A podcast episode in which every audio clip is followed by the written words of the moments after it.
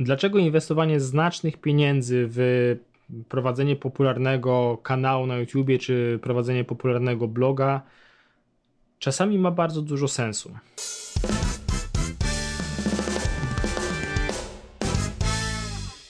Czołem przedsiębiorcy. Dzisiaj porozmawiamy sobie o inwestowaniu w YouTube'a, czy inwestowaniu w własnego bloga, czy we własny zasięg. W innym odcinku Kwadransu dla biznesu mówiłem o tym, że skupianie się na YouTubie, czy na Facebooku, czy na innym social media jest błędem i jest długoterminowo złą strategią i tłumaczyłem dlaczego tak jest. Skupianie się wyłącznie na tym i tam jest to wszystko wytłumaczone. A dzisiaj chcę opowiedzieć na tym, kiedy inwestowanie znacznych ilości pieniędzy, czyli posiadanie zespołu redakcyjnego, produkcyjnego ma sens. Bo na pewno zauważyłeś, że na przykład jeżeli oglądasz YouTube'a e, i masz jakichś swoich ulubionych YouTuberów, jeżeli oglądasz go regularnie, no to generalnie YouTube'a można podzielić na trzy kategorie. Mamy firmy produkujące profesjonalne filmy i tutaj zaliczam e, duże, wszelkie duże firmy łącznie z mediami, które publikują normalne programy telewizyjne. To jest jakby jeden worek i tutaj mówimy o dziesiątkach, setkach tysięcy albo i więcej wydawanych y, na produkcję miesięcznie, czy nawet czasami na odcinek. I to jest zupełnie jakby inna liga, tym się nie, w ogóle nie zajmujemy, bo to jest jakby, to jest inna skala zupełnie. Jedna kategoria, którą się też znowu nie będziemy zajmować, to są przypadkowe osoby, które po prostu produkują jakiś film. Nieważne, czy on jest śmieszny, czy jest mądry, ale jest to po prostu jednorazowe, czy bardzo nieregularne, gdy ktoś coś rzuca i i to ma. I tym też się nie zajmujemy, bo trudno nazwać przypadkowość dobrą strategią marketingową. Powstają nam dwie kategorie, um, które, na które zwrócimy uwagę. Pierwsza kategoria jest taka, gdzie jest YouTuber. Skupiam się na YouTube, ale jakby to będzie działało we wszystkich innych przykładach, również na, w przypadku bloga. Jest YouTuber czy bloger, który produ produkuje samodzielnie content regularnie. I nawet jeżeli ma tam kogoś do pomocy, to przede wszystkim to jest prawie że jednoosobowa działalność, bardzo systematyczna i taka osoba potrafi mieć bardzo duże zasięgi.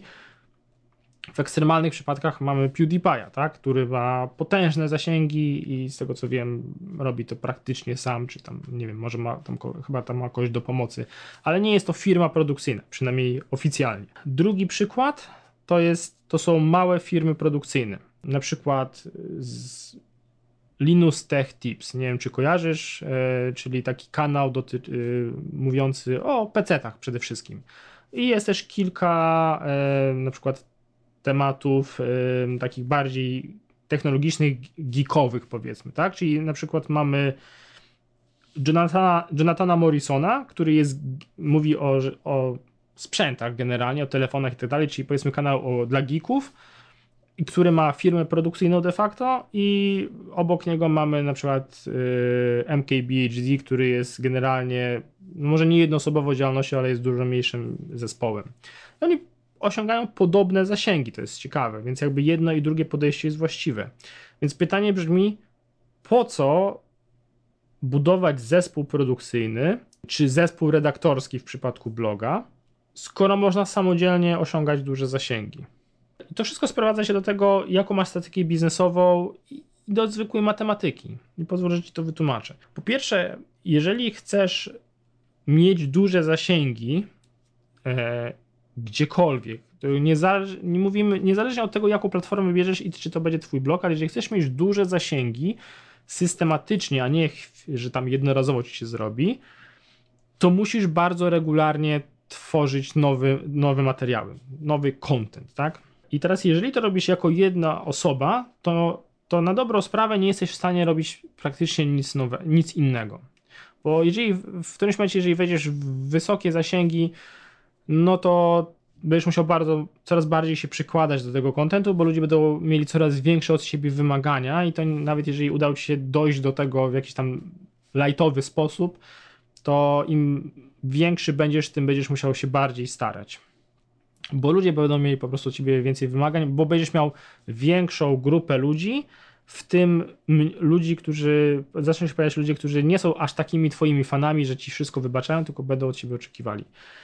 I to sprawia, że prowadzenie biznesu innego niż opartego na reklamie, na byciu influencerem i ewentualnie na jakichś tam sporadycznych projektach staje się bardzo trudne lub praktycznie niemożliwe. Więc to jest strategia dobra dla kogoś, kto chce być głównie influencerem, ale jeżeli próbujesz obok tego robić jakąś inną firmę usługową na przykład, czy jakiś startup i tak dalej, no to jest to praktycznie niewykonalne. Pewnie znajdą się jakieś przykłady, które to ogarnęły, ale zazwyczaj był tam jakiś bardzo solidny partner albo kilku partnerów, którzy przejęli na siebie cały startup na przykład, czy cały biznes usługowy i był ten frontman, który tylko i wyłącznie skupiał się na tym swoim zasięgu, a wszystko inne robili inni. Tak to może zadziałać.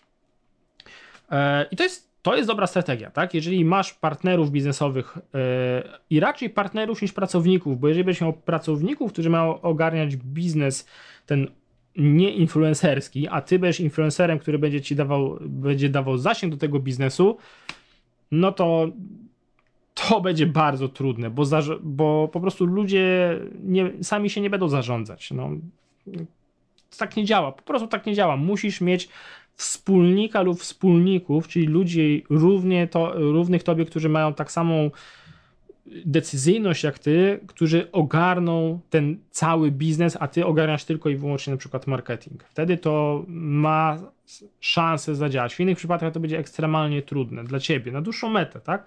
Na krótką metę może to zadziałać, a na dłuższą metę będzie to coraz bardziej uciążliwe i zobaczysz, że albo robisz content, albo robisz produkty, czy obsługujesz klientów, czy nie w takim nawet prostym sposób, ale generalnie jakieś ciekawe okazje i tak dalej. Druga strategia to jest taka, że budujesz zespół produkcyjny, który albo sam w ogóle produkuje content i buduje ci zasięg, albo wyciąga ten content z ciebie, tak? Czyli powiedzmy, że ty jesteś ekspertem, czy tam ty i jakiś twój mm, partner biznesowy jesteście ekspertami, e, ale co z tego, że, że mamy w głowie mnóstwo wiedzy, jest, tą wiedzę trzeba jeszcze wyciągnąć, ustrukturyzować, wyprodukować, zrobić z tego wideo, audio, produkt i jeszcze nie wiadomo co jeszcze. Ja, na przykład ja prowadząc warsztaty produkuję kilka godzin nowego kontentu tygodniowo, którego sama obróbka tylko dla uczestników warsztatów zajmuje jeden dzień, a jeszcze żeby zrobić z tego produkt coś, coś co się nadaje dla dla Was, czyli coś, co się nadaje na zewnątrz, a nie dla klientów płacących, to jest znowu mnóstwo pracy, tak? Więc no jest to piekielnie trudno zrobić jedną osobą, czy tam nawet jakimś bardzo małym zespołem. Więc pojawia się pomysł, zróbmy zespół produkcyjny. Zróbmy kogoś, kto będzie się obsługiwał kamerę, kogoś, kto będzie obsługiwał dźwięk, y, ktoś, kto będzie montował, ktoś, kto będzie publikował, obrabiał, wyciągał z tego inne rzeczy i tak dalej. E, a ty, ty jako ten ekspert będziesz właściwie nawet w pewnym sensie dostawał nawet skrypt czasami, tak? Czyli ktoś będzie analizował twoją, ktoś będzie analizował twoją wiedzę, będzie, będzie ustalał o czym ciekawym możesz powiedzieć na przykład i będzie mówił ci, ok, siadasz i mówisz o tym, tu masz y, punkty, które masz poruszyć, mów. I ty jako ekspert nie masz z tym żadnego problemu. Ja nie mam z tym żadnego problemu. Jeżeli dostanę temat, a jeżeli bym go dostał jeszcze w ogóle rozbitego na podtematy, to siadam, czytam przez 5 minut, czy nawet 2 minuty i mogę mówić. Bo, bo masz tą wiedzę, czy mamy tą wiedzę w głowie, więc nie potrzebujemy jakiegoś wielkiego żeby, przygotowania, żeby to, żeby ją dać. Tylko cały problem polega na tym, że jest ustalenie, co powiedzieć, w jakiej kolejności i to wszystko później wyprodukować. I nawet jeżeli ja jestem fanatykiem systematyzowania e, różnych procesów, e, od takich prostych rzeczy, że na przykład setup do nagrywania tego, tych odcinków mam stały, dedykowany i on nie zajmuje się niczym innym, kamera, obiektyw, to wszystko nie zajmuje się niczym innym, tylko nagrywaniem tych odcinków. Nigdy ich nie ruszam, nigdy ich nie przestawiam, włączam i działają. Oświetlenie mam dedykowane tylko i wyłącznie do tego. Ale nawet z tym nie jesteś w stanie produkować yy, na przykład codziennie materiałów i jeszcze robić biznesu. No i teraz mówisz, ok, no to robię zespół produkcyjny, ale zespół produkcyjny, no to mówimy przynajmniej 20 tysięcy miesięcznie. Może nie wiem, czy w 10, w 10 byłoby trudno się zmieścić w 10 tysiącach. Jeżeli mówimy też studio, no bo też trzeba mieć miejsce dla tych wszystkich ludzi i tak dalej. No ale trzeba raczej liczyć raczej bliżej 20 tysięcy złotych miesięcznie. No czy, to, czy to ma sens? Otóż to może mieć bardzo dużo sensu, jeżeli zastanowisz się, ile kosztuje kupienie zasięgu. No bo alternatywą dla e, robienia, uzyskiwania zasięgu w sposób organiczny, czyli przez regularne publikowanie, jest kupienie tego zasięgu. Oczywiście też można robić i to, i to. To jest jakby jeszcze inna, inna sytuacja. Nie? Jeżeli wydasz 20 tysięcy złotych nie na reklamę, którą sprzedającą, tylko na samo wygenerowanie odsłoń twojego filmu, czy wejście na twoich bloga, na twojego bloga, no to realnie zakładając, że nie masz jakiejś, że nie docierasz do, nie wiem, nastolatków, czy w ogóle dzieci, czyli do potężnych mas, za które generalnie dużo się nie płaci, bo one same nie mają pieniędzy za, bardzo, za dużo, jakby mocy takiej, nie potrafią wydać zbyt dużo pieniędzy, czy nie wydają zbyt dużo pieniędzy, więc automatycznie dotarcie do nich będzie tańsze. Nie zawsze, oczywiście, tak? To są wyjątki, ale jeżeli wydasz 20 tysięcy złotych na pozyskanie samych obejrzeń, no to możesz kupić poza jakimiś ekstremalnymi branżami, pewnie możesz kupić spokojnie około 200 do 400 tysięcy obejrzeń tego filmu. Może ci się poszczęści, że będziesz miał pół miliona, nie?